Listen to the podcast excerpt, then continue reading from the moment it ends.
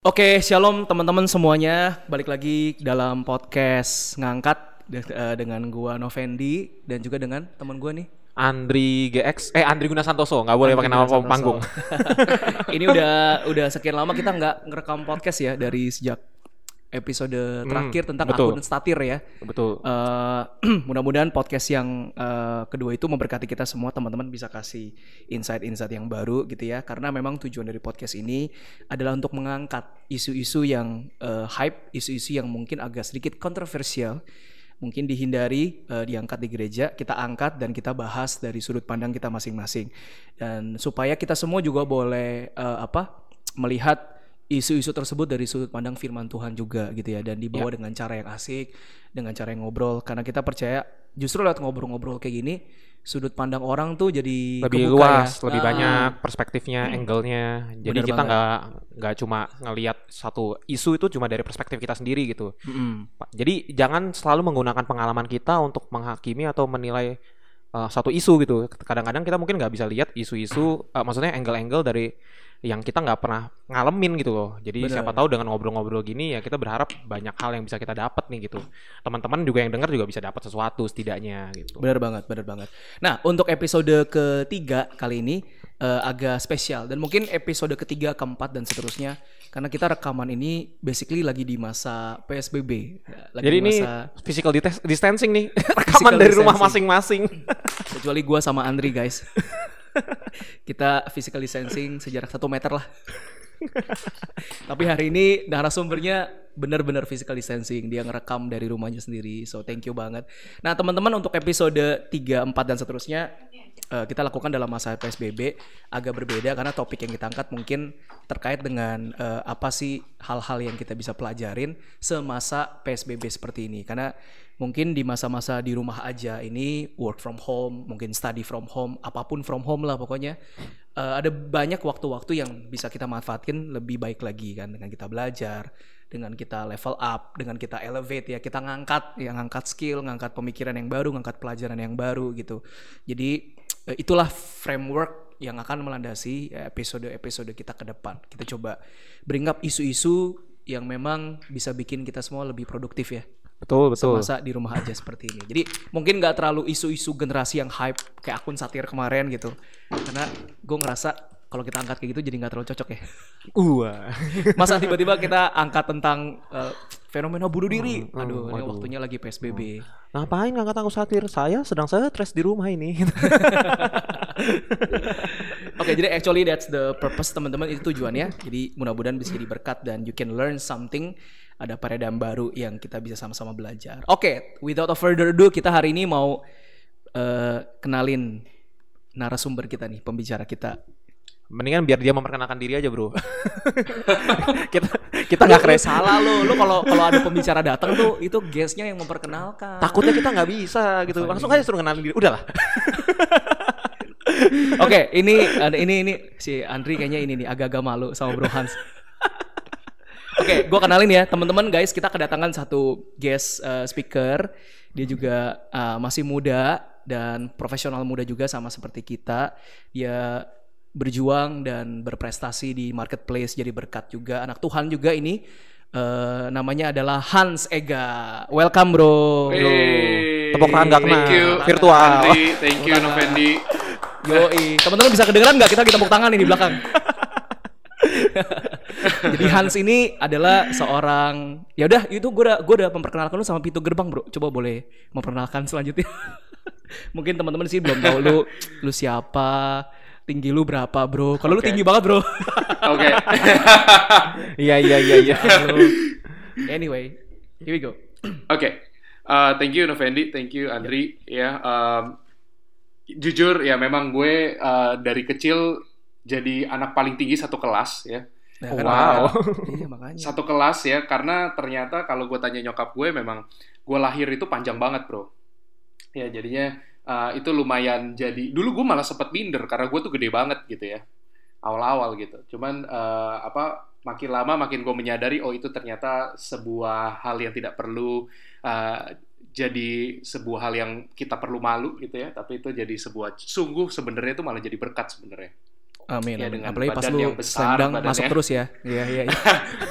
SMA sempat main basket dan itu Oke. cukup memberikan manfaat. Iya iya. iya. Orang-orang kayak lo nih yang bikin gua gambar dia rusak ya. minimal minimal udah nggak perlu nggak perlu khawatir lagi kalau kriteria cewek kamu apa laki kamu apa pokoknya Tinggi. lebih tinggi dari aku Aduh, iya, iya. Gue kesel loh, itu satu kriteria yang gak bisa diubah soalnya.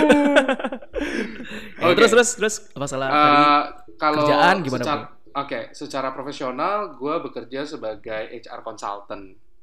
Ya, eh, dari lulus kuliah sampai sekarang HR consultant eh, banyak bantu klien-klien perusahaan untuk eh, apa namanya eh, benahin sistem HR mereka lah gitu. Ya, eh, project HR macam-macam ya. Cuman salah satunya ya kita bantu untuk setiap perusahaan itu eh, supaya sistem HR-nya lebih baik.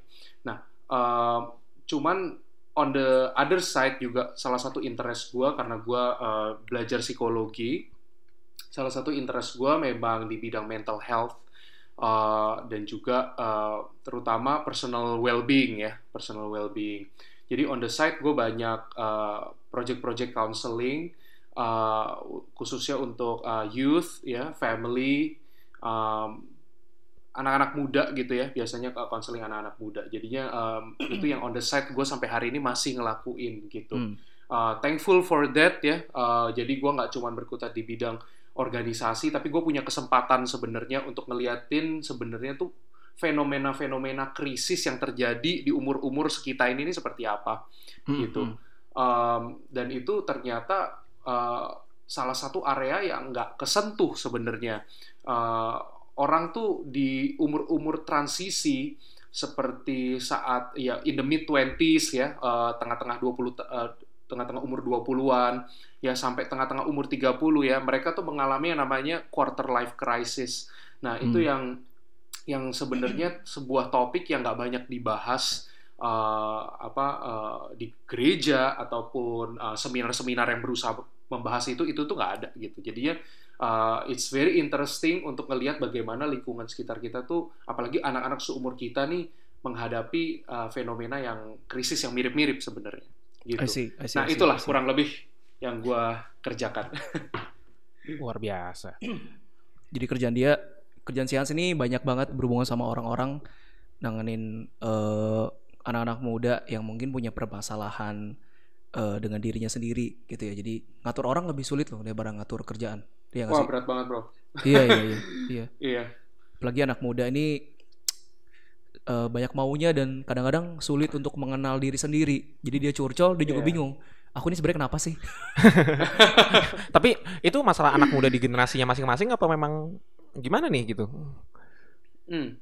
Jadi ya memang eh, apa namanya kalau kita lihat eh, nggak banyak ya. Eh, Sebenarnya gini, dari lulus kuliah ya sampai awal-awal karir ya, sadar nggak sih kita mungkin semua mengalami bagaimana transisinya itu tuh sangat eh, signifikan perbedaannya antara dunia akademik ya kita belajar dulu di kuliah, lingkungan kampus seperti apa, lalu pindah ke dunia kerja yang sangat dynamic, uh, fast changing, lalu uh, menghadapi orang-orang uh, apa namanya di tempat kerjaan juga macam-macam, Mm-mm. Uh, lalu kehidupan yang begitu lain. Dulu mungkin kalau kita waktu masih sekolah kita banyak hidup di rumah, ya mungkin uh, kesempatan untuk ada hubungan keluarga antara orang tua anak itu juga lebih lebih banyak gitu ya kesempatannya. Yep, Nah, yep. sadar nggak sih kadang-kadang kalau kita udah kerja ya, rasanya tuh hari biasa ketika kita kerja tuh em, di rumah tuh kayak transit ya. Eh, Aduh, hubu- iya benar iya kan? Gue kadang ngalamin Hubungan banget kayak gitu. bener hubungan keluarga nggak terbangun sedangkan eh, yang kita hadapi ketika kita bekerja di luar sana it's real gitu. Ya kan? Nah apalagi banyak banget anak-anak yang juga hubungan sama keluarga itu nggak pernah dibangun fondasinya dengan kuat ya kan? Nah jadinya kalau eh, ada anak yang hubungannya nggak nggak nggak deket sama orang tua mereka sekarang udah kerja makin nggak deket sama orang tua. Nah kayak gitu gitu loh. Sedangkan yang kita tahu bahwa di psikologi pun bilang em, salah satunya eh, yang menentukan our well-being ya eh, ke kesejahteraan kita, personal well-being kita uh, pembentukan karakter kita salah satunya adalah ya bagaimana pergaulan kita di dalam rumah gitu kan ya kalau kita bicara dalam rumah kan dengan anggota keluarga Iya, nah iya, itu iya. yang yang yang selama ini jujur aja orang tua zaman sekarang eh, ataupun pendidikan-pendidikan di luar sana nggak memperlengkapi kita dengan dengan ha- apa namanya dengan eh, bagaimana kita menavigasi ya situasi seperti itu gitu fenomena-fenomena itu gitu sih Ah, I see, I see, I see. Mm-mm. Nah, eh, hari ini sebenarnya kita kita mau bawain tentang topik yang namanya mungkin topik yang hari-hari ini tuh eh, ada tapi banyak generasi muda terus terutama tadi Han sempat ngomong orang-orang yang kerja itu di rumah tuh jadi kayak transit doang gitu ya. Dan kita begitu sibuk dengan pekerjaan-pekerjaan kita habis waktu pulang pergi di jalan, kemudian dengan adanya teknologi sosial media, internet yang semua serba cepat, semua serba instan, eh, hidup juga jadi kerasanya jadi kayak keburu-buru, jadi cepet banget gitu ya. Tapi eh, akibatnya kita jadi cepat ngerasa capek gitu, cepat ngerasa lelah gitu loh. Meskipun eh, kita berharap justru dengan teknologi yang buat semuanya jadi instan, kita jadi punya waktu lebih banyak gitu kan sebenarnya. Mm-mm. Tapi malah gara-gara teknologi yang bikin waktu jadi lebih instan, kita jadi lebih cepat mencapai sebuah hasil. Tapi Hmm. malah kita melakukan jadinya lebih banyak lagi dengan waktu yang harusnya dipakai Mm-mm. untuk bisa Is- doing uh, Hmm. hal-hal lain yang bisa mungkin untuk yang Han- Hansa dibilang well-being ke diri kita masing-masing gitu. Nah, gue ngelihat di anak-anak dewasa muda umuran uh, yang udah lulus kuliah kerjaan gitu ya, mereka kan kejar karir, mereka tuh kejar ada satu cita-cita lah ya. Nah, demi mencapai itu mereka jadinya do a lot of things ya. Mereka pursue a lot of things, kejar Mm. begitu banyak hal sampai ibarat mesin tuh sampai udah ngepul, sampai udah panas kayak gitu loh. Mm-mm. Nah, kaitannya dengan eh, topik hari ini teman-teman eh, Hans ini mau cerita tentang self care ya, Bro ya. Tentang masalah self care di masa-masa Iya. yang eh, sebenarnya self care itu penting banget even before PSBB juga sebenarnya itu penting banget. Cuma kita coba ambil waktu di masa PSBB ini untuk mengerti sebenarnya eh, apa sih yang salah dengan diri gue sebelum PSBB kemarin waktu gue lagi gila-gila kerja dan sebagainya Iya. eh, what is this thing called self care dan kenapa gue mesti kayak benar-benar ngerti gitu loh hopefully setelah Hmm. ini lewat semua kita jadi eh, jadi pribadi yang bisa lebih care dengan ourselves gitu ya mungkin Hans Iya. mau jelasin dulu tentang apa sih sebenarnya self care itu bro dan kenapa sih self care itu jadi penting banget buat kita pelajarin. Oke, thank you Novendi. Jadi memang seperti yang tadi uh, Novendi kerja apa uh, udah bahas ya bahwa uh, penting banget ya self care itu ya. Uh, selama ini kita bekerja ya. uh, kalau misalkan kemarin yang ikut workshop, gue sempat jelasin ada dua macam stres sebenarnya. Ada positif stres, ada negatif stres gitu ya. Nah, eh, segala sesuatu bisa jadi positif stres, bisa jadi negatif stres gitu ya. Eh, kalau misalkan eh, kata kuncinya adalah ketika sesuatu bikin lu tertekan dan ketika tertekan itu sampai overwhelming ya atau seperti kayaknya tuh lu nggak punya kemampuan untuk mengendalikan rasa tertekan itu, nah itu kan jadi sebuah Hmm. sebuah negatif stres gitu ya. Tapi eh, ketika lu ngerasa ter-challenge, ketika lu ngerasa eh, lu growing, ya kan lu ngerasa di stretch gitu ya. Itu menjadi sebuah positif stres padahal itu sama-sama stres sebenarnya bentuknya, ya. Em, nah, sama kayak kita bekerja gitu sebenarnya, ya. Ketika kita bekerja eh, lu itu eh, bagaimana dengan be- dengan bekerja ya? Apakah selama ini bekerja membuat lu eh, bertumbuh atau rasanya membuat lu itu eh, sekedar melakukan kewajiban, lu kayak kayak sebuah rutinitas, sebenarnya lu capek tapi lu tahu lu tuh bekerja, lu dibayar untuk ini and you keep working. Lu ngerasa capek tapi lu harus tetap paksa diri lu. Nah, itu kan jadi sesuatu yang nggak baik gitu. Ya karena di situ di saat di mana lu butuh self care ya. Eh, nah, orang seringkala sering sering kali mengartikan self care itu salah ya. Eh, self care sama dengan self indulgence. Wah, gue mau nonton Netflix seharian, misalnya kayak gitu. Oh, gue Hmm, pengen apa namanya eh, main sosial media Instagram seharian. Oh, gue pengen jalan-jalan seharian. Ya, Eh, itu sering kali orang salah self care sama dengan self indulgence. Jadi seakan-akan Oh. kegiatan kegiatan mereka untuk menghibur dirinya, tapi sebenarnya tuh indulging eh, dirinya untuk masuk kepada sebuah lubang yang nggak sama baiknya juga ya kan? Kalau tadi lu stres kerja kalau yang ini nggak bikin lu growing juga sebenarnya tapi bikin lu itu uh, mengisolate diri lu lu akan ngerasa instant gratification lu akan ngerasa puas secara instan tapi sebenarnya itu nggak give you any growth lah, atau pertumbuhan yang berarti gitu kan I Nah, see. Iya, Ja- iya, iya. Heeh, Nah, self care di sini yang uh, kita mau bahas ya, self care di sini sebenarnya artinya adalah kata kuncinya adalah balance. Bagaimana kita punya sebuah pola kehidupan yang balance ya. Sadar nggak sih sebenarnya ketika kita PSBB ini, WFH ini, kita punya satu kesempatan untuk menyeimbangkan semua aspek kehidupan kita.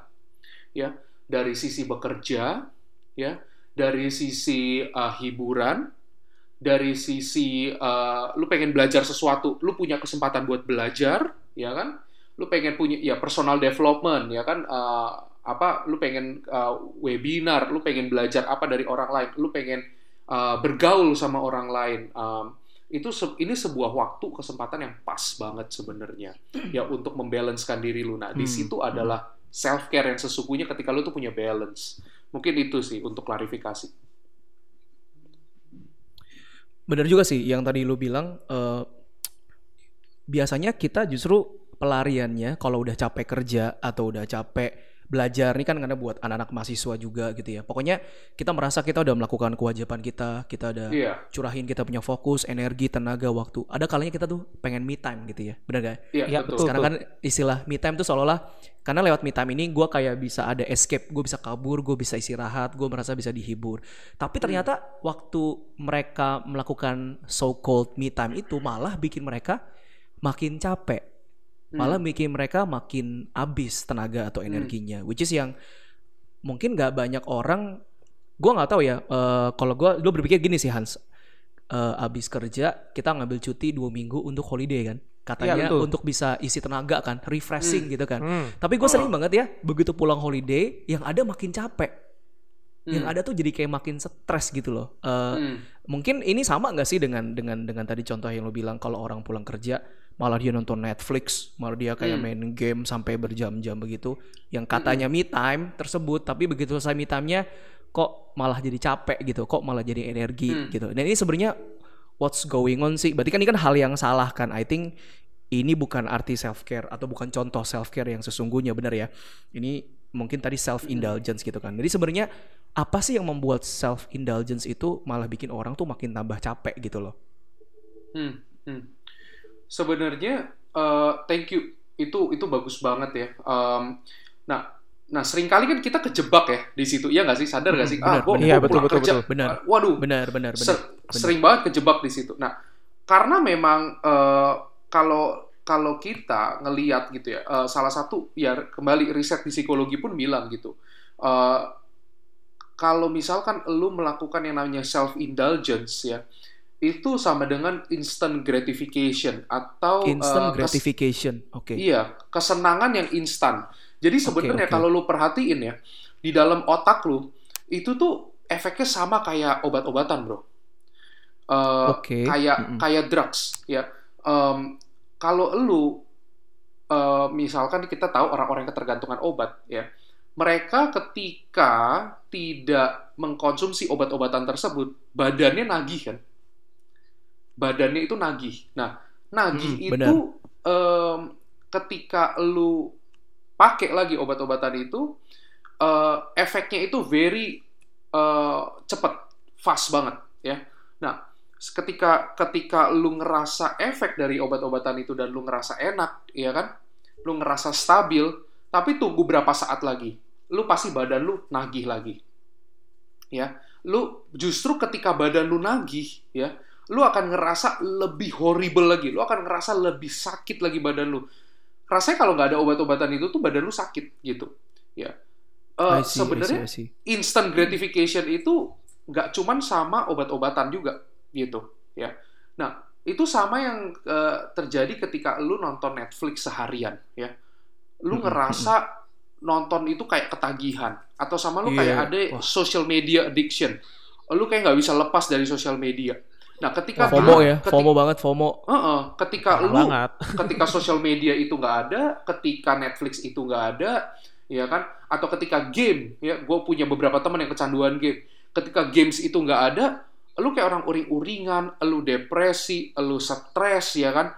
Itu sebenarnya kalau diperhatikan mekanismenya mirip, mirip banget seperti orang yang eh, yang kayak tadi contohnya obat-obatan seperti itu. Karena Hmm, sebenarnya hmm, mekanisme dari addiction itu eh, sama gitu ya, to give you instant gratification. Nah, hal-hal yang sifatnya instant gratification itu nggak make you growing gitu, nggak make you growing. Eh, dan dan itu malah sebenarnya eh, apa? nggak eh, membunuh membunuh elu lah ya, membunuh potensi Iya, lu, iya. membunuh Mm, cara mm, berpikir elu gitu ya. Mm, mm, mm. Karena sebenarnya hal-hal yang bring life satisfaction atau kepuasan hidup ya, hal-hal yang membawa apa eh, membawa kepuasan ya, itu ketika lu tuh eh, bedanya seperti learning new skill lah. Lu belajar skill baru ya. Berasa berat, tapi it gives you positive stress yang kemarin gue sempat Ah, bilang, iya kan? Iya, it iya, gives iya, you benar, positive benar, stress Benar, benar. lu benar. lu belajar lu struggle tapi lu tahu ada yang lu kejar ya it's not instant gitu. Tapi lu tahu ketika lu dapatkan lu mendapatkan ke, eh, lu lu bisa lu master lu eh, dapat sebuah kepuasan. Dan itu makin bikin lu tuh motivated lagi untuk even belajar lebih lagi. Nah itu itu perbedaannya lah gitu ya. Satu instant gratification. Yang satu itu memberikan lu sebuah kepuasan yang lebih long lasting because you fight for it gitu. Lu berjuang Ah, Oke itu. oke. Jadi bukannya bukannya nggak boleh nggak boleh melakukan instant gratification, tapi yang terlalu berlebihan itu yang salah karena Iya. dengan dengan ekspektasi kebahagiaan atau apa ya ke kebahagiaan ya bisa dibilang ya kepuasan Hmm. yang sesungguhnya adalah ketika kita mendapatkannya itu dengan struggle ada sesuatu makna ada yang meaningful di balik sebuah itu ya kan Iya, betul. jadi bu jadi kita nggak ngomong salah ya gitu untuk untuk nonton Netflix memuaskan diri cuma Enggak. yang berlebihannya yang salah gitu Iya, betul. tapi gimana gimana dengan konsep kayak gini? Ah, gua nggak perlu senang-senang, nggak perlu hal yang meaningful, yang penting ya happy aja. Kan ada orang yang happy go lucky. Ya Hmm. dia bahagia-bahagia aja tuh hidupnya gitu. Terus gimana tuh Mm-mm. kalau dengan konteks yang seperti itu? Em, jadi maksud lu kayak dia ngejalanin hidupnya dan dia ngerasa uh, happy happy fine-fine aja, udah gitu. Ah, ah. Mm-mm. Happy go lucky, nggak perlu komitmen sama sesuatu hal yang struggling atau apa gitu. Mm-mm. Jadi gini, em, kalau misalkan kita perhatikan ya, em, di ada satu buku yang pernah pernah bahas tentang nama bukunya Authentic Happiness. Ya buku itu bagus banget ya. Dia bilang tuh ada tiga macam kehidupan bro.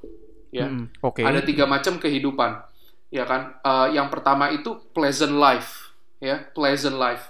Pleasant life itu eh, yang tadi, lu mengejar semua hal-hal yang sifatnya em, eh, hedonisme ya atau instant Mm, mm, gratification tadi, mm, mm. gitu ya. Lu kejar itu, lu berusaha untuk mendapatkan kesenangan sebanyak-banyaknya, ya. Eh, and it is pleasant gitu, ya. Tapi pada saat yang sama eh, itu membawa lu ke dalam sebuah eh, apa namanya apa yang tadi gue bilang instant gratification ya kan Yes. ketika Mm-mm. ketika pleasant itu nggak ada ya kan lu akan cari itu dan lu kayak orang ketagihan terhadap Ah, hal itu Iya, iya, iya. Nah, iya. tapi yang kedua dia bilang ada the good life, ya, the good life. Nah, mungkin orang-orang yang lu tadi definisi itu orang-orang yang ada di ke- di fase apa di macam ke- di, di tipe kehidupan yang kedua, Hmm. the good life ya kan. Yang dia cari apa? Ya semuanya eh, apa eh, hal-hal yang stabil ya kan? Atau dia berusaha untuk mencari you know ya tadi lu bilang happy go lucky mengalami kehidupan yang uh, seimbang. Nah sebagian besar orang mereka berada di tipe kehidupan yang kedua ini gitu. Tapi dibilang lagi ya if you're looking uh, for a maximum happiness lah ya di dalam kehidupan sebenarnya apa sih? Gitu. Ya kan? Nah yang ketiga itu the meaningful life dia bilang gitu. Hmm. nah Martin Seligman ini dia pengarangnya Martin Seligman ya dia seorang psikolog ya. Uh, dan dia bilang orang udah dibuktikan contohnya kayak uang deh ya. Orang cari uang dalam kehidupan itu masuk tipe kehidupan yang ke mana? Tipe kehidupan yang kedua kan the good life ya kan? Pada pada umumnya orang hidup mereka mencari nafkah ya. Tapi ternyata juga dibilang ada sebuah riset bilang bahwa uang itu pada sampai certain point ya, ada satu fase di mana kepuasan kalau ada grafik ya antara kepuasan dengan jumlah uang yang lu miliki ya.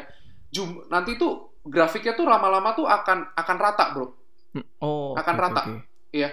Jadi uang dan happiness itu tidak berbanding lurus terus-terusan Mm-mm, ya. mm-mm, Tapi mm-mm. ada fase di mana uang itu menjadi sebuah eh, apa namanya? akan a- kurvanya akan merata, kurvanya akan merata Mm-mm, mm-mm, gitu, kurvanya akan merata. Nah, eh, itu membuktikan bahwa ternyata uang itu perlu nggak perlu gitu ya. Tapi ketika itu udah sampai satu certain point, it, itu nggak akan menambah kepada kebahagiaan lu, ya kan? Nah, di- dilihat lagi apa sih yang menambah kebahagiaan itu? Yang dia bilang itu meaningful life, ya kan? Dan ternyata meaningful life itu ketika dicari tahu apa sih yang membuat sesuatu itu meaningful. Setelah dicari tahu, jawabannya adalah ketika lu tuh bisa memberi. Oh. I see, I see, I Wow. see. Kayak gitu. Gua ngelihat di sini berarti Hmm, oke gimana gimana terus ketika Iya. Ketika lu bisa memberi, nah itu yang disebut meaningful. Karena ketika ada risetnya lalu disurvei, apa sih yang bikin lu eh, sesuatu tuh meaningful? Apa sih definisi meaningful? Dan sebagian besar orang bilang itu when you can give apa pun, you can give your time, you can give your energy, you can give your financial, you can give your skill, pokoknya something that you can contribute terhadap society itu yang dimaksud dengan meaningful life dan itu yang dibilang authentic happiness kayak gitu. wow. Oh, Wow. I see, I see. Nah, kalau dalam Wow. konteks PSBB ini gimana ya? Maksudnya self care itu sendiri. Maksudnya nggak tahu ya. Eh, kita ambil-ambil kayak kasus boro-boro mikirin mikirin menghibur diri sendiri. Kita aja mau survive aja susah gitu. Boro-boro Hmm. mikirin ngomongin meaningful life. Kita aja mau survive aja sekarang mikir nih gimana cara bisa bertahan hidup. Betul. Gimana gimana cara self care betul. kayak gitu. Eh, pastinya kalau ketika kita eh, kelihatan ya ketika self care ini em, orang-orang tuh bagaimana mengalokasikan waktunya ya dan energinya. Iya, gue setuju Iya. banget tuh. Heeh. Nah, lu ketika self care ini eh, salah satunya yang eh, apa kita bahas juga em, apa salah satu tips yang gue pernah kasih juga ya. Eh, lu nggak cuman sekedar punya eh, kalau waktu kita mungkin masih masih nggak PSBB ya waktu kita kerja ya eh, ngantor seharian ya tanpa sadar mungkin kita tuh banyak di pleasant life di tipe nomor satu pleasant life gitu ya Betul sih. Mungkin. iya, sering iya, kali, benar, benar, sering kali, sering kali. Karena kenapa? Kebanyakan hiburan-hiburan atau self care yang kita lakukan sifatnya adalah Instan. pelampiasan, Betul. Iya, iya. pelampiasan kayak gue udah capek, gue pengen lakuin ini, kayak gitu, Iya kan? Nah, self care di saat PSBB ini, coba kita kejar the good life and the meaningful life lah. Tipe 2 dan tipe 3. The good life and the meaningful life. Nah, the good life ini apa sih? Ya kan? The good life kalau di konteks PSBB ini ya lu harus produktif dan lu harus efisien ketika ngatur ngatur, ngatur waktu-waktu kita, ya kan? Salah satunya ya lu eh, apa? create your to-do list, I ya kan? see. Kita Iya, kita iya, sempat iya, bahas, ya kan? Creating your own to-do list. Kenapa creating your own to-do list, ya kan? It structure your time, ya kan? Lu jadi punya struktur terhadap waktu lu, ya kan? Lu eh, teratur ngatur hari lu, ya kan? Waktu kita kerja mungkin kadang-kadang aja kita udah berusaha ngatur waktu, ya kan? Tapi eh, di kantor pun sering kali situasi nggak stabil, kita Hmm. tahu, ya kan? Mm-mm, lu mm-mm. mi- uh, meeting after meeting, lalu lu belum stuck lama di jalan. Kalau yang kayak gue kerjanya di Kuningan, macet-macetan di jalan, ya kan? Itu hal-hal yang membuat lu tuh bikin kehidupan sering kali jadi nggak balance gitu. Nah, uh, di saat-saat seperti ini, kita harus mengejar kebiasaan-kebiasaan yang bikin kita tuh jadi lebih balance lah. Creating your own to-do list, healthy lifestyle, olahraga yang teratur, makan yang sehat, ya. Lu ngejar good life gitu loh. Ya kan, lu ngejar balance di situ. Ya karena itu ketika konteks PSBB itu bisa seperti itu. Nah, kalau misalkan the meaningful life ya kan, it's something yang jangan diartikan ketika lu eh, lagi PSBB seperti ini lu nggak bisa give ya kan. Eh, di luar sana mungkin eh, banyak banget yang lu bisa lakukan gitu kan. Nggak nggak nggak mesti sekedar lu give in terms of financially tapi uh, something yang lu bisa lakukan. Apa sih yang selama ini lu uh, kerjakan dan lu ngerasa kerjaan lu itu penting atau skill yang lu tekuni itu penting lu bisa bagiin itu juga ke orang lain. Makanya banyak Hmm, banget sekarang hmm, hmm. Iya, ya kan? iya, iya. webinar-webinar Ya, termasuk podcast Supaya- angkat ini, Bro. exactly ya kan tujuan lu orang kan menjadi meaningful nih. iya kita kan mau berbagi kan Betul, betul. Tujuannya kan betul, itu. betul. Nah, itu itu lu pursuit of meaningful life gitu loh. Nah, itu something yang yang yang luar biasa menurut gua. Berarti sebenarnya kalau gue ngelihat ini apa orang selama ini orang eh, kejebak banyak di self indulgence. Mereka berpikir itu cara mereka untuk mencintai diri mereka sendiri. Ini me time gue nih. Gue ada Hmm. waktu 3 jam 4 jam langsung binge watch Netflix, gua main game yang ketinggalan-ketinggalan gitu yang gua nggak sempet main lagi. Hmm. Pokoknya gua benar-benar mengentertain diri gua. Selama ini eh, eh, mereka menganggap bahwa it- kita lah, mungkin kita menganggap selama ini itu adalah bentuk self care. Tapi ternyata itu ujung-ujungnya malah bikin kita tambah capek dibanding sebelumnya. Kita malah lebih pusing, mungkin kita jadi Mm-mm. lebih mata jadi panas gitu karena kita to spend too much time di situ gitu ya. Dan hari ini kita jadi belajar ternyata itu bukan arti sesungguhnya dari lu tuh care sama diri lu sendiri. Jadi mungkin bisa Iya. dibilang kita mesti meredefinisi arti me time kali ya. Jadi jangan memakai me Iya. time malah bikin kita jadi malah tambah capek dibanding sebelumnya gitu loh.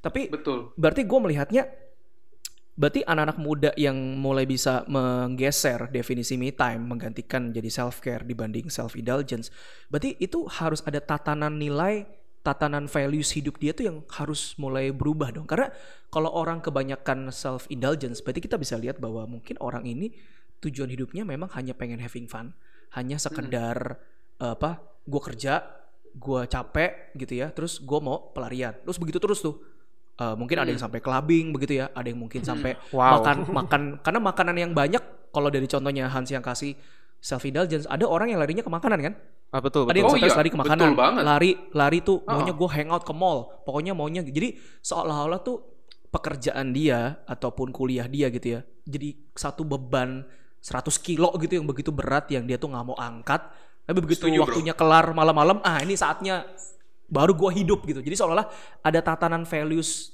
yang kebalik-balik gitu loh. Hal harusnya hal yang Hmm. jadi paling penting itu di hidup dia dan indulgence itu harusnya nggak terlalu penting. Sekarang malah dia tuh dibalik. Indulgence buat dia adalah kehidupan dia. Gua merasa I'm alive. Waktu gua nonton Netflix waktu gua bisa jalan-jalan waktu gua bisa ini kayaknya nih gua banget. Yang tadi tuh tadi pagi sampai siang waktu gua kuliah kerja kayaknya gua malas banget gitu loh. Nah berarti ini berhubungan banget ya bro. Bagaimana menggeser orang dari self indulgence pindah ke self care berarti ada values yang mesti dirubah kalau menurut lu gimana bro Ah, gue setuju banget ya. Makanya banyak orang sukses di luar sana, ya kan? Kayaknya sukses banget, tapi kagak happy kan, bro? Ah, iya, iya, iya. Wadaw. Kagak happy, ya kan? Banyak banget di luar sana yang ternyata sukses banget tapi kagak happy gitu. Iya. Nah, em, padahal itu- hartanya itu- banyak itu realita partinya gila-gilaan holidaynya gila-gilaan iya iya Bener, asli. bener. Itu itu itu eh, sebuah hal yang yang eh, itu fenomena gitu di luar sana. Mm-mm, mm-mm, Iya kan? mm-mm.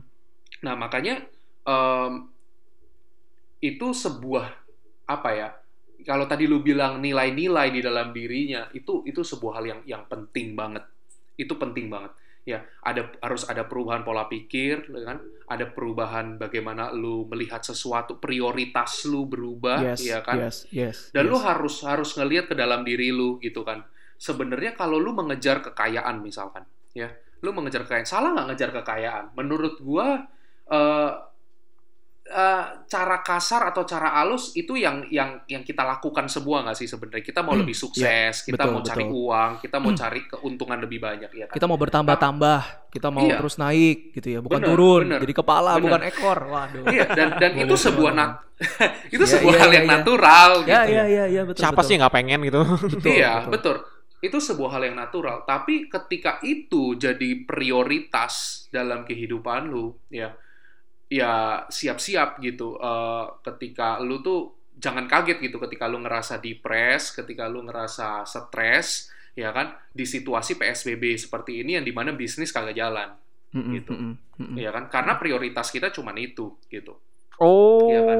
oke oke nangkap Iya nangkap. kan? Oh, begitu prioritas begitu. Iya, cuma iya, iya. itu. Nah, jadinya maksud maksud gue gini, ada hal-hal yang yang perlu di di reorder lagi lah di dalam diri kita, ya kan, Eh, supaya kita nggak nggak apa nggak ya tadi yang nggak kalau kalau banyak orang-orang yang kerja di luar sana mengejar kesuksesan tapi jatuhnya malah stres gitu kan. Dikarenakan Hmm, mereka hmm, seakan-akan kok ini semua kayak nggak ada artinya? Kok gua Iya, rasanya iya, nggak iya, pernah iya, puas? dan sebagainya. Iya kan ini ini podcast Kristen kan kita bahas ayat boleh ya berarti Right. Boleh, boleh. Wah, akhirnya ada yang mau bahas. Saya dari tadi udah Iya, pengen kan? bawa-bawa ayat Podcast loh dari Kristen tadi kan? saya. Oh siap, ya kan. Gue gue mau mau mau mau sharing aja gitu kan. Kalau misalkan em, apa eh, Tuhan sendiri bilang satu hal yang yang penting banget bagaimana kita itu eh, me- me- melihat ke dalam diri kita ya terhadap apa yang selama ini kita percayai. Ya nggak sih?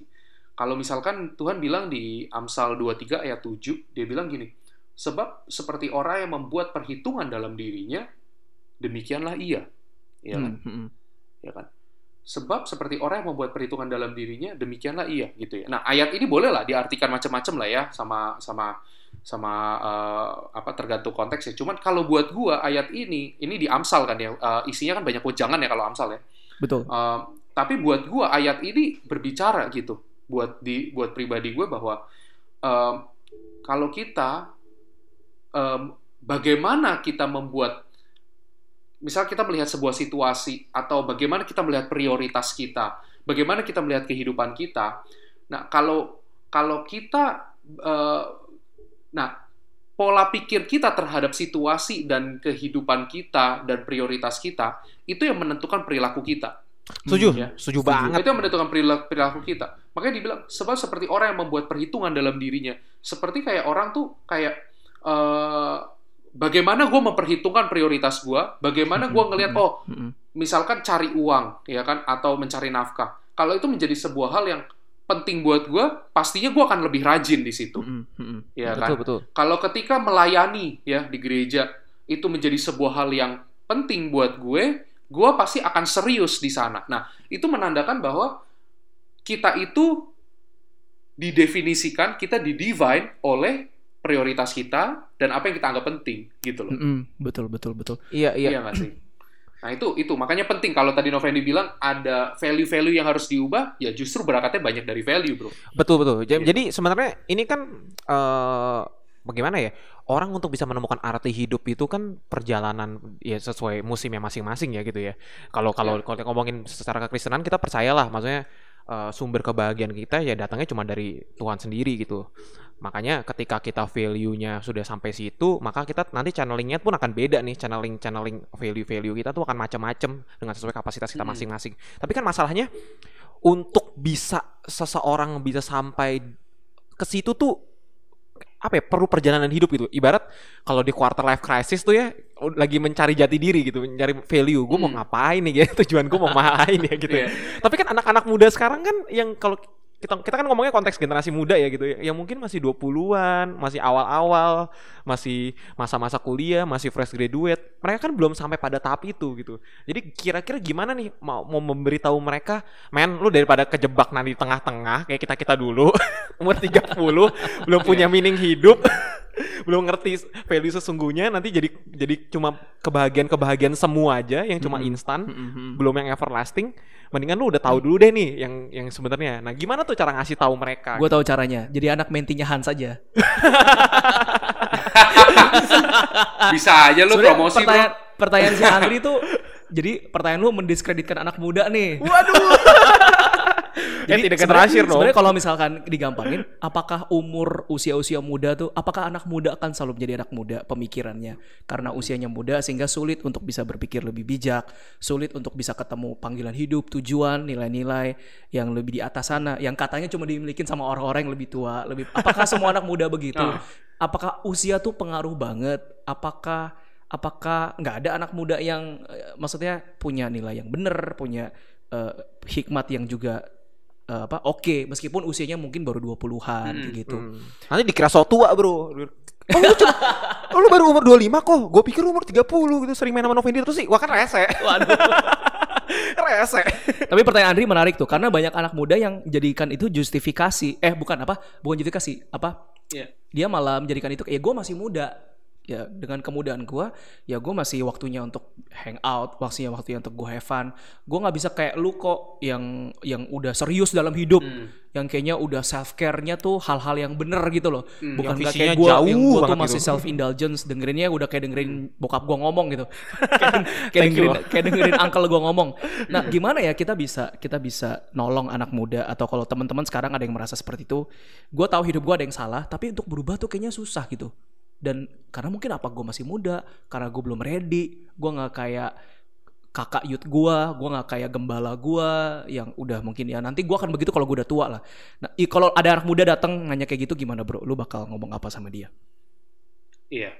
Jadi sebenarnya em, apa?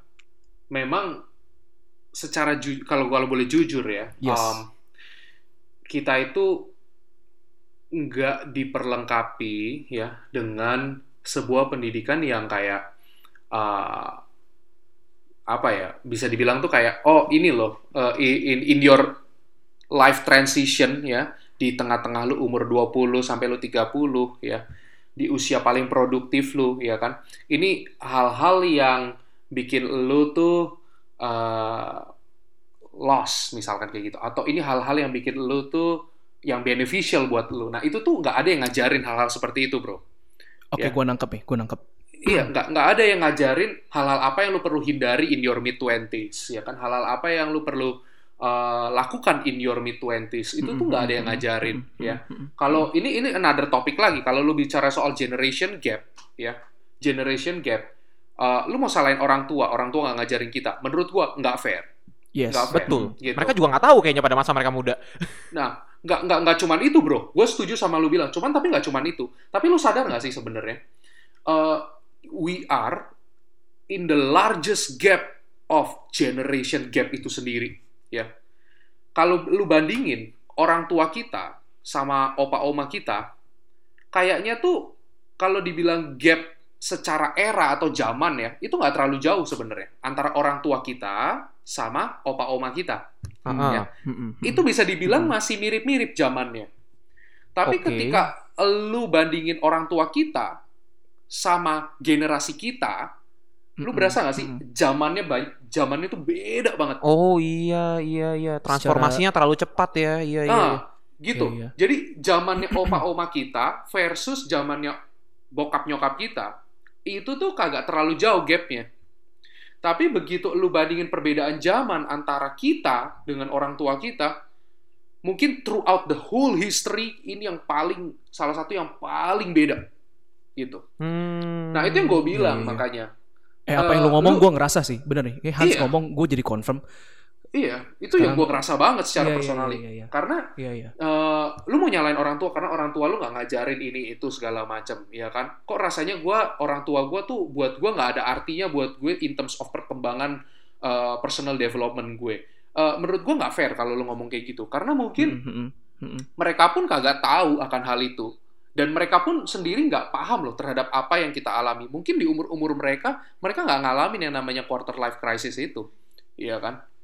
Ya kan? Mungkin sebagian besar dari orang tua kita nggak pernah jadi profesional juga. Ya kan? Yang dulu Yes, mungkin yes, kerjanya kan yes, zaman yes. mereka, waktu Yes. mereka growing up, eh, dari zaman mereka kecil, kerja itu kerja apa sih? Mungkin kebanyakan kerja kasar. Ya kan? mm-mm. atau kerja di kalau orang tua orang tua gue dari daerah ya mereka orang Jawa ya kan kerjanya itu kalau di sana ya bukan kerja kantoran bro gitu kan kerjanya di toko Iya, ya iya, kan? iya, iya. nah zaman sekarang kerjanya apa startup digital apaan Waduh. mereka kagak ngerti main startup digital ya kan? Tersinggung saya. Iya, iya, iya, iya. Bener, itu bener, bagus bener, bro maksud gue maksud gue Tapi orang tua sih. kita Eh, Iya, soalnya jadi- soalnya satu keluarga tuh nggak ada yang ngerti pekerjaan gua apa. Gue juga malas jelasin soalnya. kan? Ternyata lu kerja via Instagram, via YouTube aja lu bisa mencari nafkah. Iya kan? Itu mind blowing buat orang tua tuh mind blowing. Gue malas jelasin ya. Iya, iya. iya, mind blowing. Padahal banyak banget eh, apa ya? People make millions, millions of dollars ya di Yes. luar sana via YouTube dan Instagram.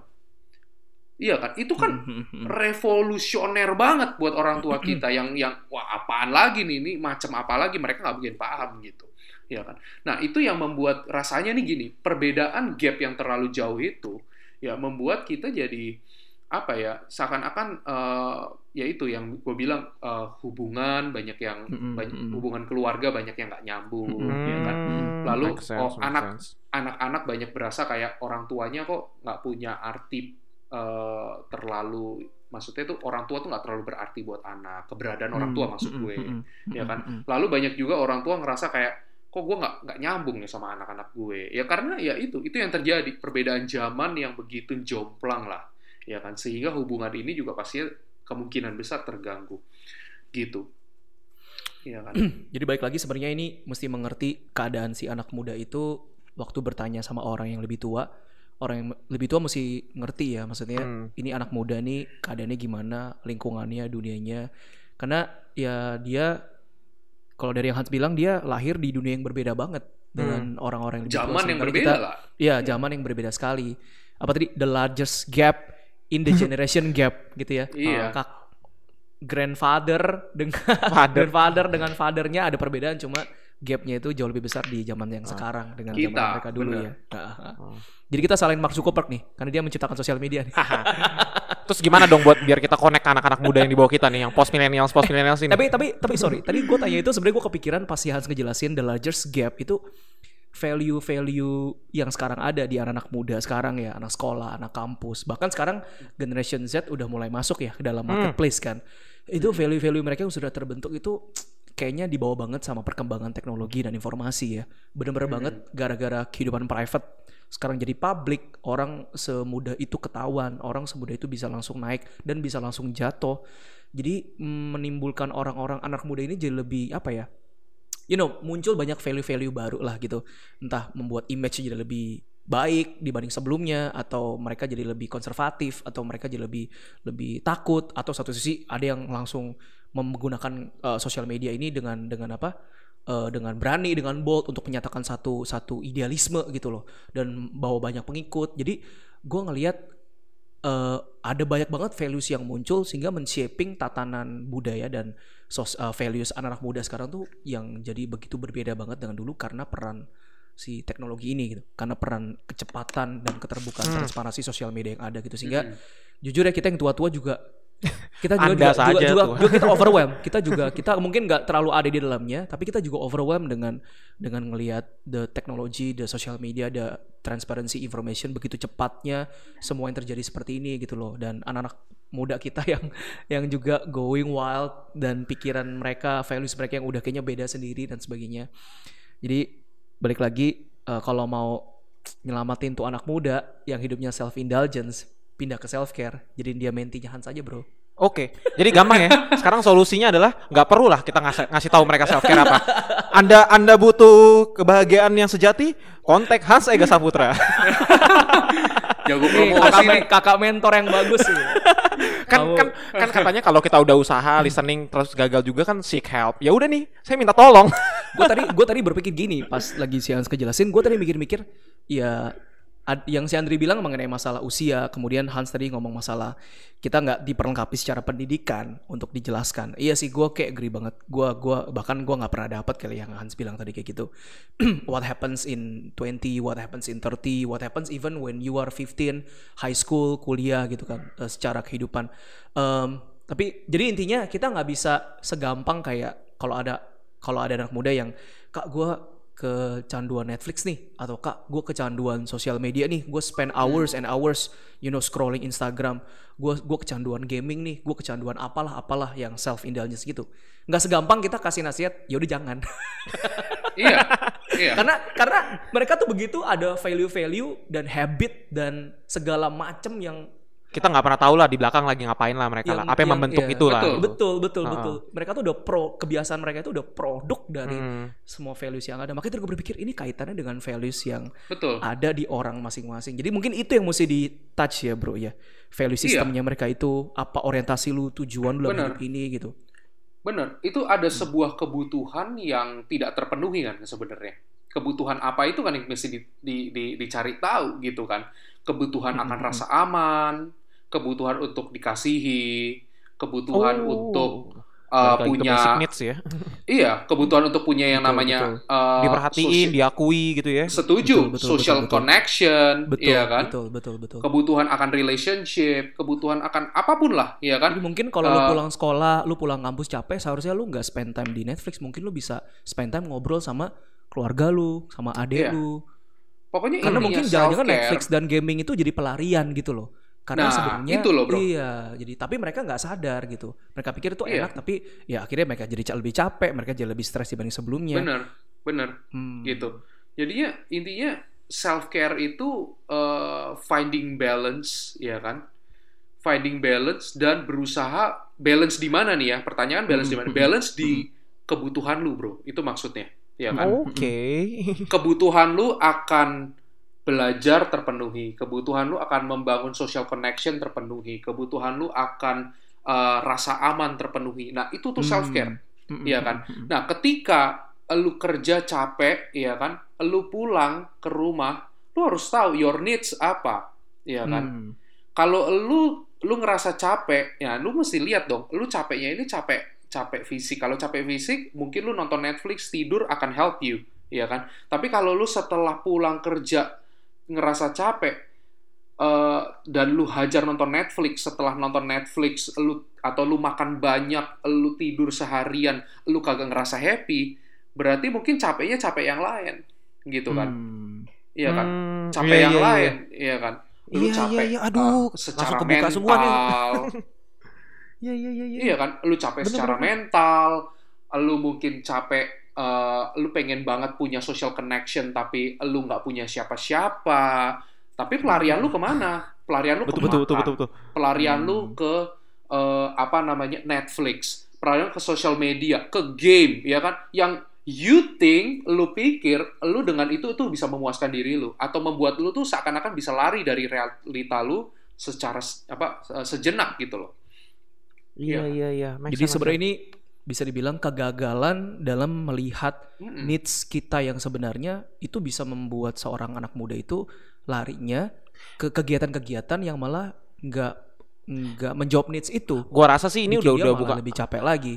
Gua rasa sih ini udah bukan spesifik anak muda sih, tapi ke manusia secara general benar, gitu. benar, Nah, benar, benar. Mungkin Iya, iya, umur iya. yang 40 tahun juga masih bingung kali gitu value hidupnya apa gitu. Kayaknya aku menikah, tapi hidupku gini-gini saja gitu. Iya iya. Tapi kalau 50 tahun Iya. pulang capek tidur langsung. Especially generasi kayak kita gini yang Hmm. seolah-olah tuh kalau kerja tuh abis 8 jam, 12 apa 10 jam di kantor, Iya, gue iya, belum iya. hidup nih. Gue sekarang waktunya Iya. gue hidup malam-malam night out. Iya, tapi tapi itu sebenarnya mm, make sense banget sih. Iya iya iya, gue ngerti sih yang sekarang lo bilang. Iya, Oke, iya. oke. I think that's the that's a good start ya. Lu kenalin dulu needs lu tuh sebenarnya apa supaya lu nggak menjawab needs lu dengan cara-cara yang salah. Itu terbuka banget sih. eh, ini padahal podcast mau berbagi ke pendengar kita malah gue yang dapat sesuatu gitu. Soalnya gue tuh Iya. gue tuh memang memang memang apa memang me- mendambakan suatu hubungan yang deeper gitu ada deeper connection tapi gue nggak punya siapa-siapa gitu terus akhirnya pelampiasan ke mana nonton film gitu dengan pelam- dengan berharap ya udah gitu dengan dengan Hmm, itu ya gue menghabiskan waktu yang seharusnya social connection tapi ya ya gue lampiasannya ke film gitu ya seneng sama-sama seneng gitu cuma kayaknya tetap ada yang kosong setelahnya gitu Mm. wah udahlah nggak layak nih saya nih mau bawa podcast. Iya. Gimana Hans? Lu berapa nih konsultasi nih Aduh. ya menurut gua eh, kalau apa namanya gue udah sempet denger juga sih apa yang Antri kerjain Eh, menurut gue itu itu satu hal yang yang positif banget ya bro And, eh, Emang lu kerjain apa, rasa, yang gitu dong nanti nanti ada sesi sendiri lah buat lu dah. Ah, biar siap, pendengar kita nggak tahu, biar pendengar kita tahu lah apa sih sebenarnya lu lakukan. Ini masuk kategori meaningful life kok, bukan pleasant meaningful life. life Ya. meaningful life Jadi eh, itu satu hal yang yang yang eh, positif gitu ya. Cuman eh, kembali lagi buat kita secara eh, ya kita manusia ya, kita kan punya banyak banget needs tadi itu, ya kan? Punya banyak banget needs ya kan. Nah, itu itu bagian kita PR kita untuk kita define sebenarnya area-area mana sih yang belum terpenuhi gitu. Hmm, hmm, Ya. hmm, hmm. Area-area mana yang belum eh, apa? belum eh, apa belum ter belum diketemukan Isi lah lah gitu, needs-nya iya, itu iya, iya. belum Hmm. diisi gitu belum meet gitu nah jadinya itu satu hal yang perlu kita apa namanya eh, lihat kembali ke diri Iya, kita iya, iya. gitu. Dan gue juga merasa gini sih, kalau misalkan eh, kita harapannya dengan, dengan selesai mendengar podcast ini kita jadi lebih eh, bisa ngelihat needs kita dan kita mulai bisa memilah-milah gitu ya. Kita nggak lagi consuming time banyak ke yang self indulging activities yang bikin kita malah tambah capek dan nggak match menjawab needs kita yang sebenarnya.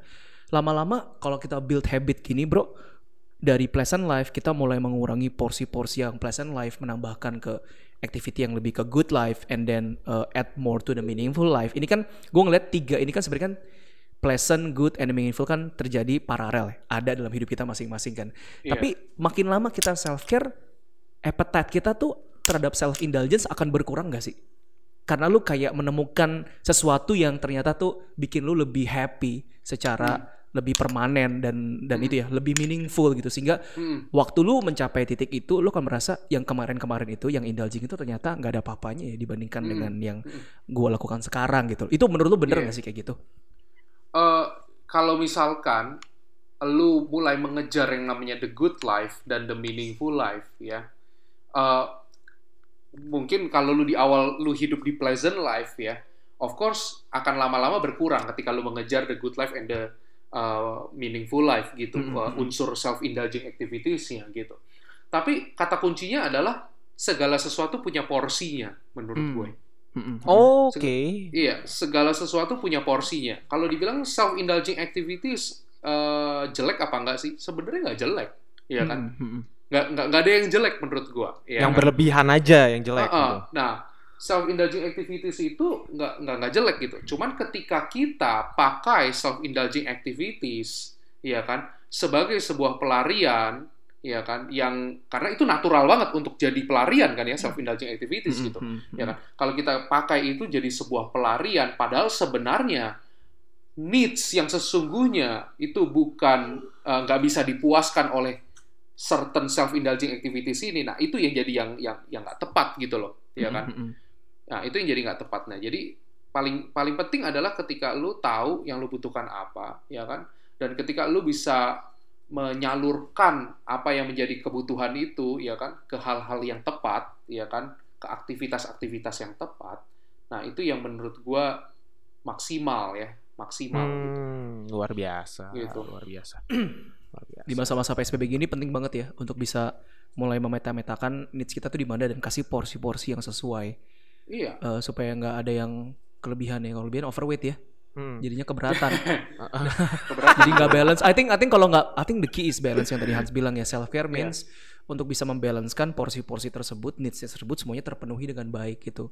Nggak ada satu yang kelebihan kalau indulging banget waduh itu bakal stres banget kayak stressful banget Tapi gue mengerti sih, paham sih kenapa orang-orang pada masa PSBB ini pada nyari self indulgence karena mereka tidak oke lah kalau kita mungkin kita ada pekerjaan yang kita bisa isi, tapi anak-anak muda yang masih sekolah, mereka mau ngapain? Mm-mm. Mereka mau memenuhi meaningful life mereka ngapain gitu. Hmm. Jadi gue mengerti sih kenapa mereka larinya ke Tapi sebenarnya masa-masa sekolah, lu kalau eh, lihat anak-anak sekolah sama anak kampus ya, yang mereka masih di pendidikan, masa-masa PSBB gini banyak dari mereka yang malah makin sibuk loh, karena guru-gurunya berpikir, nah kamu ngapa-ngapain kan, sini aku kasih tugas yang banyak gitu. Nah, Heeh, soalnya gue kan, gua kerja, Iya juga. gua kan punya klien salah satunya kan bergerak di aplikasi untuk online online learning system kan, dan dia cerita bahwa anak-anak zaman sekarang tuh gara ulangannya makin banyak, tugasnya makin banyak gitu. Jadi sebenarnya apa sih good life ya? Tapi buat mereka kayaknya hate hate life ya. Love and hate relationship dengan sekolah. ya udah. Tapi anyway, eh, nyambung pertanyaan itu tadi, mungkin lebih ke practical things ya to do nih bro. Em, kalau misalkan sekarang lagi masa PSBB gini, apa sih yang bisa dilakukan secara gampang, secara sederhana untuk bisa mulai mengurangi indulgence itu dan pindah ke self care? Karena gue takut masa PSBB kelar ya, begitu kelar kan kita semua balik ke kehidupan normal kita, hmm. nggak belajar apa-apa. Iya, Tahu itu paling tahu sayang. Betul Iya, betul. betul. nggak ada nggak belajar apa-apa sama sekali. Bahkan bisa jadi keadaannya lebih worse daripada sebelumnya gitu karena masa Iya. ini ya lewat gitu aja gitu dan Hmm, hmm, Iya. betul betul. kita benar-benar indulge dan kita benar-benar nggak belajar sesuatu. What what what is your uh, uh, what is your message buat anak-anak? Iya. Buat gue sih sederhana ya. Di saat kita punya banyak banget kesempatan untuk uh, ya PSBB gini uh, kita banyak waktu, banyak luang waktu gitu ya. Uh, yang paling penting menurut gue pertama adalah lu boleh social distancing tapi lu harus socially connected gitu ya. Itu itu penting banget ya Social untuk lu tuh distancing, socially connected. Wah, keren. Iya. Lu Oke, so- lu lu socially distancing tapi lu harus tetap socially connected gitu ya. Betul, betul. Uh, itu satu hal yang yang penting. Ketika lu kerja ya uh, hubungan lu ya akan teroccupy dengan hubungan profesional ya. Ya. Uh, Ah, betul, betul. dengan dengan kolega ya rekan kerja dan sebagai hubungan lu semua profesional. Nggak ada hubungan yang benar-benar bisa dibilang tuh uh, meaningful relationship bukan nggak Hmm. punya tapi uh, nggak punya banyak kesempatan untuk nurture ya uh, apa social connection yang sifatnya tuh relationship uh, yang yang mendalam yang meaningful gitu sama orang-orang sekitar lu. Nah, justru ini kesempatan untuk lu tuh build that social connection ya satu sama lain. Mungkin lu boleh social dis- distancing tapi yang bisa lo lakukan apa? Telepon teman lama lu yang mungkin udah lama lu Yoi, nggak ajak itu yang saya lakukan kemarin. Iya kan? Lu lu pengen curhat selama ini lu nggak punya waktu untuk curhat tuh pengen curhat curhat sama orang, ya kan? Lu di rumah ada orang tua, ya. Se- kapan sih lu appreciate ya eh, makan bareng duduk satu meja sama orang tua lu, ya kan? Kalau buat betul. Iya, itu satu hal yang langka banget kalau gua lagi kerja, Mm-mm, Gitu. Bener banget. ya kan? Nah, appreciating those social connection in your life ya, itu menurut gua part of self care. Mm. Gitu. Oh, Ya. oke. part of self care itu lu- luar biasa efeknya terhadap your well being ya Yes, yes. and also other people around you juga gitu punya well being itu satu hal yang penting ya. Socially connection eh social socially uh, social connection socially connected ya. Terus uh, yang paling penting lagi gue juga bahas uh, yang paling penting uh, kedua adalah spiritually connected Mm-mm. Eh, mungkin kita bisa ya sama-sama ya orang Kristen ya kita ke gereja ya. Tapi nggak pernah sebenarnya building a meaningful spiritual connection Mm-mm, terakhir berdoa kapan kalau udah kerja suka lupa berdoa itu kan satu hal yang yang Mm-mm. yang sangat Mm-mm. mungkin terjadi ke kita Mm-mm. semua ya kan Kalau Eh, Andri kalau udah berdua lupa kerja. Wah. itu sih itu sih luar biasa ya bro ya kan Kamu penjaga menara doa. Wah. kan Anda Mantap. menggiring opini ya. Iya kan gitu nah kan spiritual connection itu itu juga penting gitu ya kan Eh, ambil waktu untuk sharing em, apa namanya eh, firman Tuhan ataupun juga eh, datang ke komsel virtual ya kan? Kalau Iya, kita ada virtual cool dan sebagainya itu satu hal yang positif dan lu harus tetap lakukan gitu. Ya kan? Malah kadang-kadang gue ngerasa ada connection yang cukup kuat juga ketika melakukan virtual uh, commu- apa uh, cool gitu kan ya? Atau atau Yes, komunitas yes, yes. uh, komsel yang secara virtual. Karena mungkin kadang-kadang orang kalau habis pulang kerja datang ke cool dan sebagainya itu kayak em, apa datang ke komsel tuh kayak udah udah agak setengah setengah hidup juga tuh bro ya kan udah Iya, capek iya. seharian kerja masih datang ke komsel Benar, benar, benar, benar, benar, Iya kan? benar. Nah, ini kan lu punya waktu untuk lebih connected dan sebagainya. Nah, itu gua rasa satu hal yang positif, ya kan? Lalu, menurut gue yang nggak kalah penting adalah you have to learn new skills. Ya, itu itu penting banget di fase-fase seperti ini. Lu perlu belajar hal-hal baru, ya kan? Skill-skill baru, ya kan? Eh, yang selama ini lu pengen banget belajar tapi nggak punya waktu. Ya. Hmm, hmm, hmm. Karena again uh, meaningful life salah satunya adalah ketika lu salah satu aspeknya adalah ketika lu tuh building yourself, building yourself dengan apa? Dengan hal-hal yang uh, dengan skill baru salah satunya ya kan. Lu punya skill baru, lu struggle belajar skill baru dan akhirnya lu bisa. Nah, itu tuh itu tuh meaningful life tuh. You you you find meanings gitu di di di hal-hal yang lu kerjain gitu. Nah, itu uh, belajar hal baru itu nggak kalah penting gitu ya. So, Sama yang socially terakhir, connect. give. Hmm. Give. Ah, iya. Gift tuh Oh, gimana? Oh, memberi. Oh, memberi. Gue pikir gift tuh Ah. hadiah tadi. Oh, No, memberi. give, give. Gue pikir lu mau kasih gue hadiah, Dri. Boleh bro. Wadaw. kan memberi. Bagian dari self care lo. Tuh untuk well being lu juga. Lu memberi buat Oh gua benar. Benar. Jangan mentang-mentang bahasa Anda tahu bahasa kasih saya memberi terus Anda abuse itu ya. Kurang aja. Lebih lebih bahagia menerima daripada memberi ya bro ya. Ah, wow. Enggak ya? Saya nggak wow. Saya lagi nggak butuh nggak butuh barang sih. Saya butuh kasih sayang ya. So give ya. Terakhir tuh berarti give yang kita bisa lakukan Iya. di masa PSBB gini. Actually demand-nya banyak banget. Orang-orang yang perlu untuk diberikan juga banyak sekali. Hmm, betul, so, setuju. langkah praktisnya tadi kalau gue summarin dari kata-katanya Hans berarti socially you, you you maybe have a physical distancing tapi socially lo mesti tetap connected. So, Iya. first one socially connected. Yang kedua adalah spiritually connected. Kita mesti nggak cuma sekedar kongko-kongko ngobrol-ngobrol di Zoom tapi kalau bisa kita ada Bible study bareng, kita eh, PPW bareng via Zoom. kita saling mengedify satu sama lain dengan firman Tuhan. Jadi spiritually kita pun saling membangun satu sama lain. Yang ketiga tadi tentang masalah learning new things ya, learning new skill, belajar skill-skill yang baru. Karena waktu kita punya waktu dan kita bisa em, dapetin satu skill yang baru itu kasih kita happiness ya, satu kasih kita satu hal yang eh ternyata gue bisa ternyata ya, ternyata ini asik juga ya di, di Iya. dikerjain, ternyata seru juga ya. Ada satu newness ya di dalam diri kita. Eh, yang terakhir adalah give ya, memberi. Empat hal itu praktis. Luar biasa. Gue sebenarnya pengen ngomong, pengen ngobrol-ngobrol baik lagi sama Sian, cuma kita udah berapa lama ya? Gue cek dulu waktu kita udah Sejam sejam. satu jam enam menit. Hmm, udah sejam enam ya. menit. Biasa. Wah, mantap sekali nih. Habis ini, ini yang dengar yang dengar kalau nggak dapat apa-apa sih Anda harus memikirkan value hidup Anda.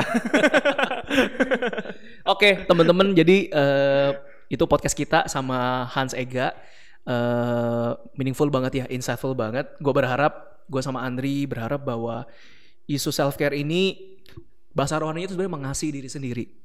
Ada gue baru baru ngerti bahasa psikologinya tuh self care. Jadi lu kalau peduli sama diri lu, lu kalau sayang sama diri lu sendiri, lu akan treat dengan bener gitu. Hmm, lu akan betul, treat betul. dengan dengan dengan the, the key is to balance the good things in your life gitu. Nggak nggak kekurangan sekali atau nggak kelebihan sekali dan sebagainya.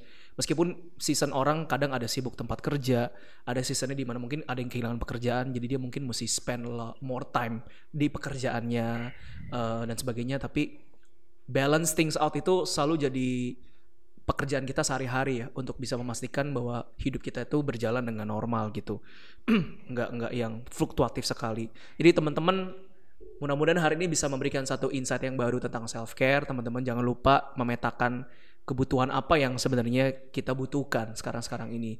Jangan semuanya langsung jawabannya Netflix. Jangan Wah. semua jawabannya Instagram. Jangan langsung semua jawabannya mungkin adalah eh, apa eh, satu hal yang mungkin malah bikin kita malah lebih capek lagi. Tapi coba lebih mindful lebih berpikir tentang keadaan kita sebenarnya yang kita butuhkan apa dan eh, berikan porsi-porsi yang lebih seimbang. Dengan demikian hidup kita akan lebih balance.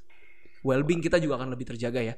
Akan Iya, lebih betul. terbangun Iya. juga gitu thank you Hans buat Thank you. obrolan kita thank you Thank Dri you. Thank sudah you. menjadi teman podcast yang setia meskipun baru tiga episode Anda terlalu sibuk Anda. kurang self care gue nih aduh berat sebelah berat sebelah anyway em, ada lagi pesan-pesan penutup Andri ada yang mau ditanyain Seperti biasa sebelum mengakhiri podcast ini hanyain promosi ya. Jangan lupa follow Instagram kita. podcast Oh iya, Elevate. mantap. Podcast Elevate atau podcast podcast ngangkat? podcast Elevate. ngangkat podcast, Podcast ngangkat ngangkat. Nah, Podcast ngangkat, guys. Nah, biar biar lokal banget gitu bahasanya gitu. Elevate gaya-gayaan bahasa Inggris nggak suka gue. Elevate soalnya ada Elevate Church bro. Kita kalah nama sama Steven Pertik. Kalah branding ya. iya. Lu kalau lu kalau ke Spotify lu ketik Elevate yang keluar dia ntar. Iya. Ya udahlah, udah paling itu aja sih teman-teman.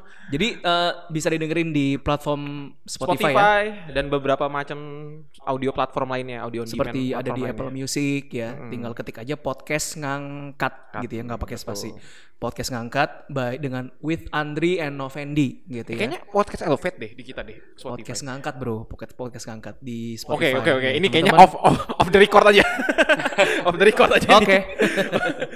Oke anyway, thank you again Hans. Thank you again Thank you, Hans Andri, for Novendi. uh, ya for the for the sharing kita diberkatin banget. Thank you guys. Uh, Thank kita you. sudahi dan God bless you all. Bye bye. Berkati. Bye-bye.